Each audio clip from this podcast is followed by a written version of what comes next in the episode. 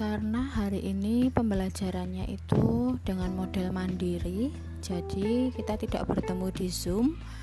Kita kemarin pertemuan kemarin itu kita sudah membahas soal latihan yang pertama ya, yaitu uh, sampai dengan nomor 7. Nah, untuk sekarang Ibu akan coba lanjutkan. Jadi kita akan membahas soalnya tapi lewat sini. Jadi kalian bisa mendengarkan penjelasan ibu lewat sini. Untuk nomor 8 itu ada contoh uh, gambar tentang pergeseran lempeng tektonik. Nah dari gambar tersebut ditanyakan itu menimbulkan kejadian apa? Nah jawabannya di sini adalah gempa bumi C.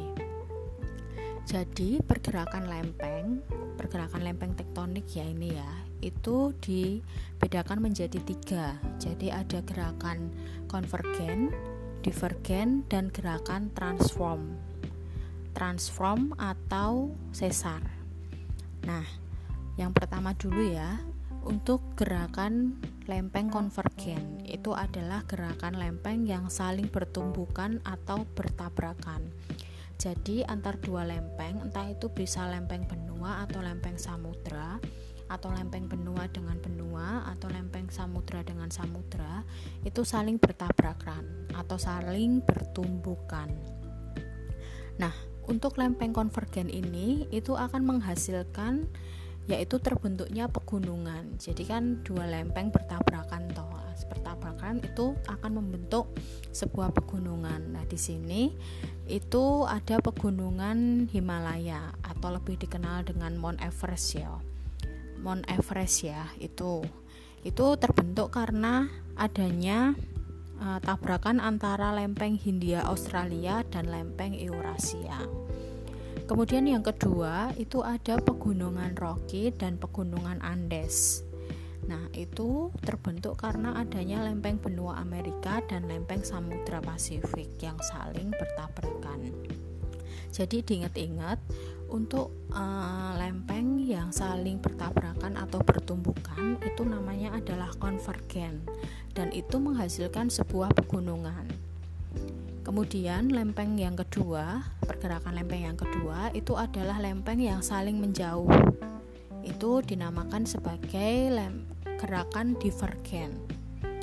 Kalau di gerakan divergen ini itu menyebabkan meluasnya samudra karena lempengnya itu saling menjauh. Kemudian terbentuknya Mid Atlantic Ridge. Jadi, jadi itu kayak palung laut yang ada di dalam laut kayak pembentukan palung itu terkenal dengan uh, istilah Mid Atlantic Ridge. Itu.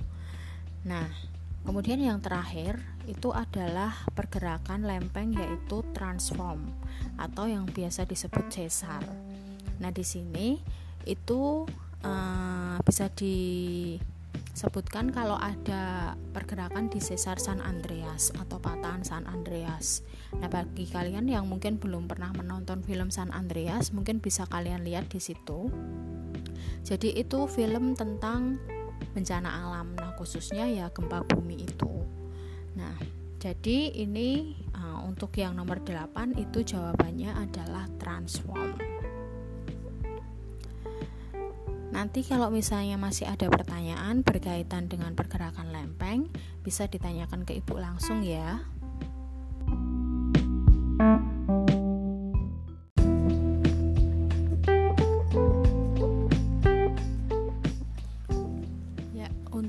Selanjutnya nomor 9 itu adalah uh, soalnya yang menunjukkan faktor-faktor yang mempengaruhi proses pembentukan tanah. Nah, jawabannya itu adalah A. Jadi ada faktor topografi atau ketinggian tempat, kemudian ada organisme. Di sini organisme itu bisa berwujud hewan ya, hewan atau tumbuhan-tumbuhan uh, yang dapat mempengaruhi pembentukan tanah khususnya dan juga ada bahan induk, iklim dan juga yang terakhir adalah waktu. Nah, kalau untuk tekstur, struktur itu enggak ya, itu sudah termasuk dalam jenis-jenis tanah. Jadi bukan bukan faktor yang mempengaruhi proses pembentukan tanah. Nah, kemudian Ibu lanjutkan langsung yang ke-10 ya. Jadi untuk nomor 10 itu menurut perkembangannya desa terdiri atas desa swadaya, desa karya dan desa swasembada. Nah, di sini yang ditanyain adalah ciri dari desa swadaya. Yaitu jawabannya adalah A. Adat istiadat masih kuat. Nah, untuk ciri-ciri desa ini bisa kalian buka lagi catatan kalian ya sudah pernah ibu terangkan uh, ini pelajaran di semester kemarin. Kalian bisa buka untuk ciri-ciri desa. Jadi kalau desa swadaya itu yang menonjol itu uh, masih dia itu masih sangat uh, apa namanya terisolir daerahnya. Kemudian penduduknya juga masih jarang terus bersifat tertutup dan adat istiadat di desa swadaya ini masih sangat kental atau tinggi teknologinya juga masih rendah sarana dan prasarananya juga sangat kurang nah itu untuk desa swadaya untuk desa swakarya itu adat istiadat sudah tidak mengikat penuh jadi uh, sudah tidak sekuat dari desa swadaya kemudian ada ciri lagi di desa Swakarya itu sudah mulai menggunakan alat-alat teknologi. Jalur lalu lintas antar desa dan kota juga sudah agak lancar. Nah, untuk yang terakhir itu ada desa swasembada. Nah, desa swasembada ini kebanyakan berlokasi di ibu kota kecamatan, kemudian penduduknya itu sudah mulai banyak dan padat.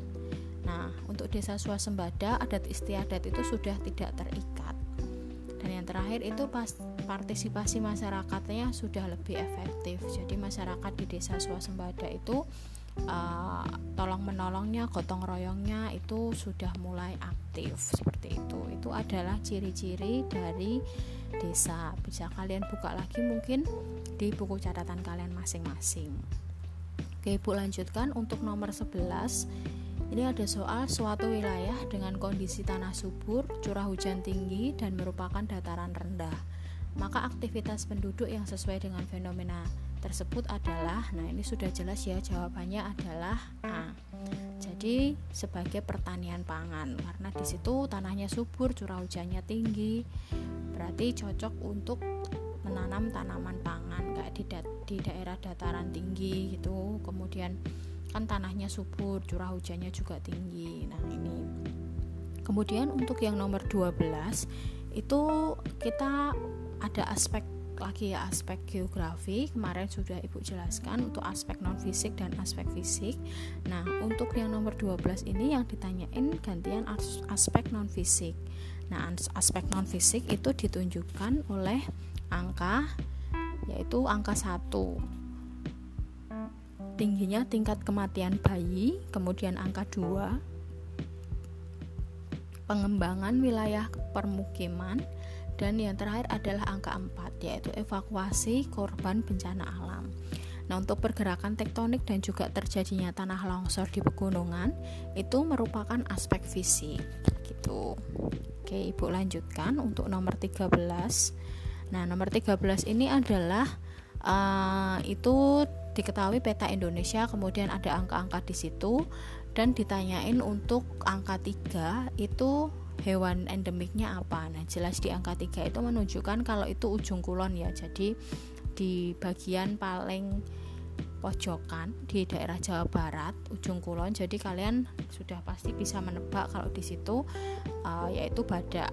Badak berjula satu dan juga banteng. Di sini yang ada badaknya cuma satu jadi gandengannya sama banteng. Nah itu jawabannya untuk nomor 13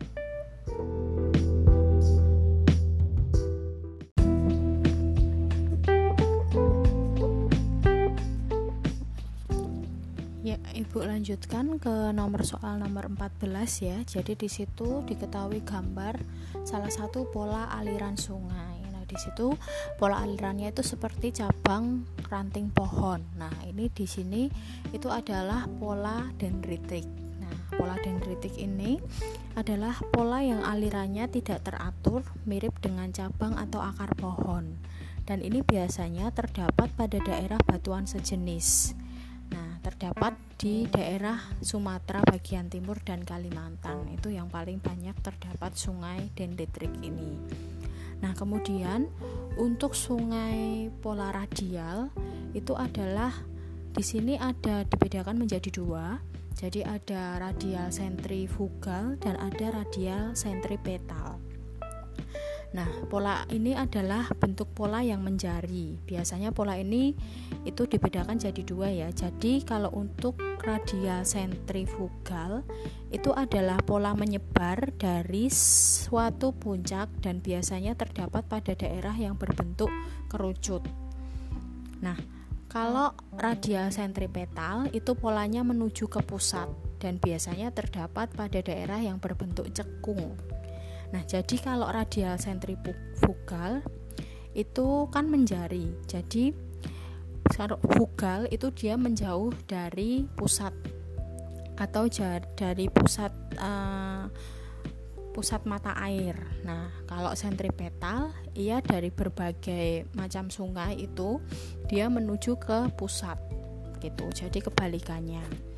Nah, untuk pola trellis itu adalah uh, bentuknya itu sudut tegak lurus terdapat pada daerah lipatan. Nah, kalau trellis itu ada bentuk apa namanya kayak 90 derajat. Nah, nanti kalian gambar-gambarnya itu kalian bisa lihat di internet ya. Kalau enggak nanti ya coba uh, pertemuan selanjutnya mungkin akan coba Ibu tunjukkan. Nah, seperti itu. Kemudian untuk pola anular itu adalah mirip dengan radial sentrifugal, yakni anak-anak sungai mengalir menuju sungai subsekuen dan biasanya terdapat di daerah dom untuk anuler. Nah, yang terakhir itu ada pola rektanguler. Pola rektanguler ini adalah pola sungai yang membentuk sudut siku-siku. Biasanya terdapat di daerah patahan. Nah, itu. Nah, nanti mungkin kalian bertanya-tanya bedanya trellis tadi sama sama rektanguler apa bu? Nah nanti kalian bisa coba lihat di internet ya untuk perbedaan gambar-gambarnya. Kemudian uh, ada pola paralel. Nah pola paralel ini adalah arahnya hampir sejajar antara sungai yang satu dengan sungai yang lainnya. Ini biasanya terdapat di dataran pantai atau di daerah pantai Oke, selanjutnya nomor 15 itu ada contoh dari piramida penduduk. Nah, di situ ditanya untuk kebutuhan 15 tahun ke depan itu apa? Nah, kalian bisa lihat kalau di piramida penduduk itu adalah yang paling banyak itu adalah penduduk di usia 0 sampai 14 tahun. Nah, berarti untuk ke depannya 15 tahun ke depannya kan mereka otomatis usianya juga sudah usia produktif ya. Jadi usia produktif usianya udah 15 sampai uh, 64 tahun. Nah, itu berarti pemerintah memikirkannya apa? Yang memikirkannya adalah pemerintah harus bisa memperluas lapangan kerja. Jadi kan usia dari usia 0 sampai 14 itu kan 15 tahun ke depan bakal berada di posisi usia 15 tahun sampai 64 tahun. Nah, itu adalah usia untuk tenaga kerja produktif. Nah, makanya pemerintah harus uh, caranya harus memperluas lapangan pekerjaan. Nah, itu jawabannya nomor 15 adalah B. Kemudian nomor 16 Bila pemerintah akan membangun pasar atau pusat puskesmas yang berfungsi melayani masyarakat di dua tempat yang berbeda, maka untuk menentukan lokasi pembangunan pasar atau puskesmas dapat ditentukan dengan mengadaptasi teori. Ini sudah jelas ya jawabannya adalah D, jadi teori titik henti. Oke, Ibu lanjutkan ke nomor 17. Nah, nomor 17 ini juga sering banget keluar di soal. Jadi sudah pernah Ibu bahas ya di pertemuan pertama di bab pertama tentang wilayah dan tata ruang. Jadi untuk nomor 17 itu jawabannya adalah C. Kota-kota yang termasuk dalam pusat pertumbuhan B adalah C, yaitu Jakarta, Bandung, dan Semarang. Kalau di tabel itu mungkin hanya disebutkan uh, Jakarta, kemudian Jawa Barat dan Jawa Tengah. Nah, berarti kan itu Bandung dan Jawa Tengah. Bandung dan Semarang. Jadi Bandung itu ada di Jawa Barat, Semarang itu ada di Jawa Tengah. Nah, itu untuk daerah B. Kemudian daerah A itu daerah di pusat pertumbuhannya itu di Medan. Nah, daerahnya itu bisa melingkupi Aceh, Sumatera Utara, Sumatera Barat, Riau dan Kepulauan Riau. Sedangkan daerah C itu ada Surabaya, jadi Jawa Timur dan Bali, kemudian Kalimantan Tengah, Kalimantan Selatan, Kalimantan Timur dan Kalimantan Utara. Kemudian untuk yang pembagian uh, utama daerah D itu di daerah pusat pertumbuhannya ada di Makassar. Nah, itu daerah Sulawesi, Maluku, Papua, Nusa Tenggara Barat, Nusa Tenggara Timur. Nah, itu masuknya di wilayah D. Ini bisa kalian buka lagi di catatan kalian untuk uh, yang termasuk kota-kota pusat pertumbuhan B.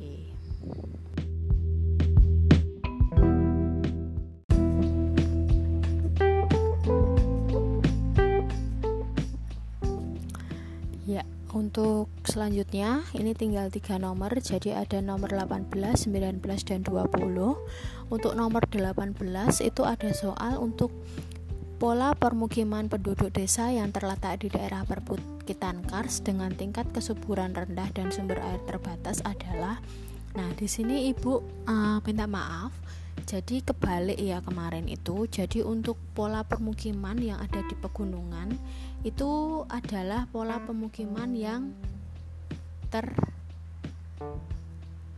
terpusat atau mengelompok. Jadi kalau di pemukiman itu adalah pemukimannya itu mengelompok.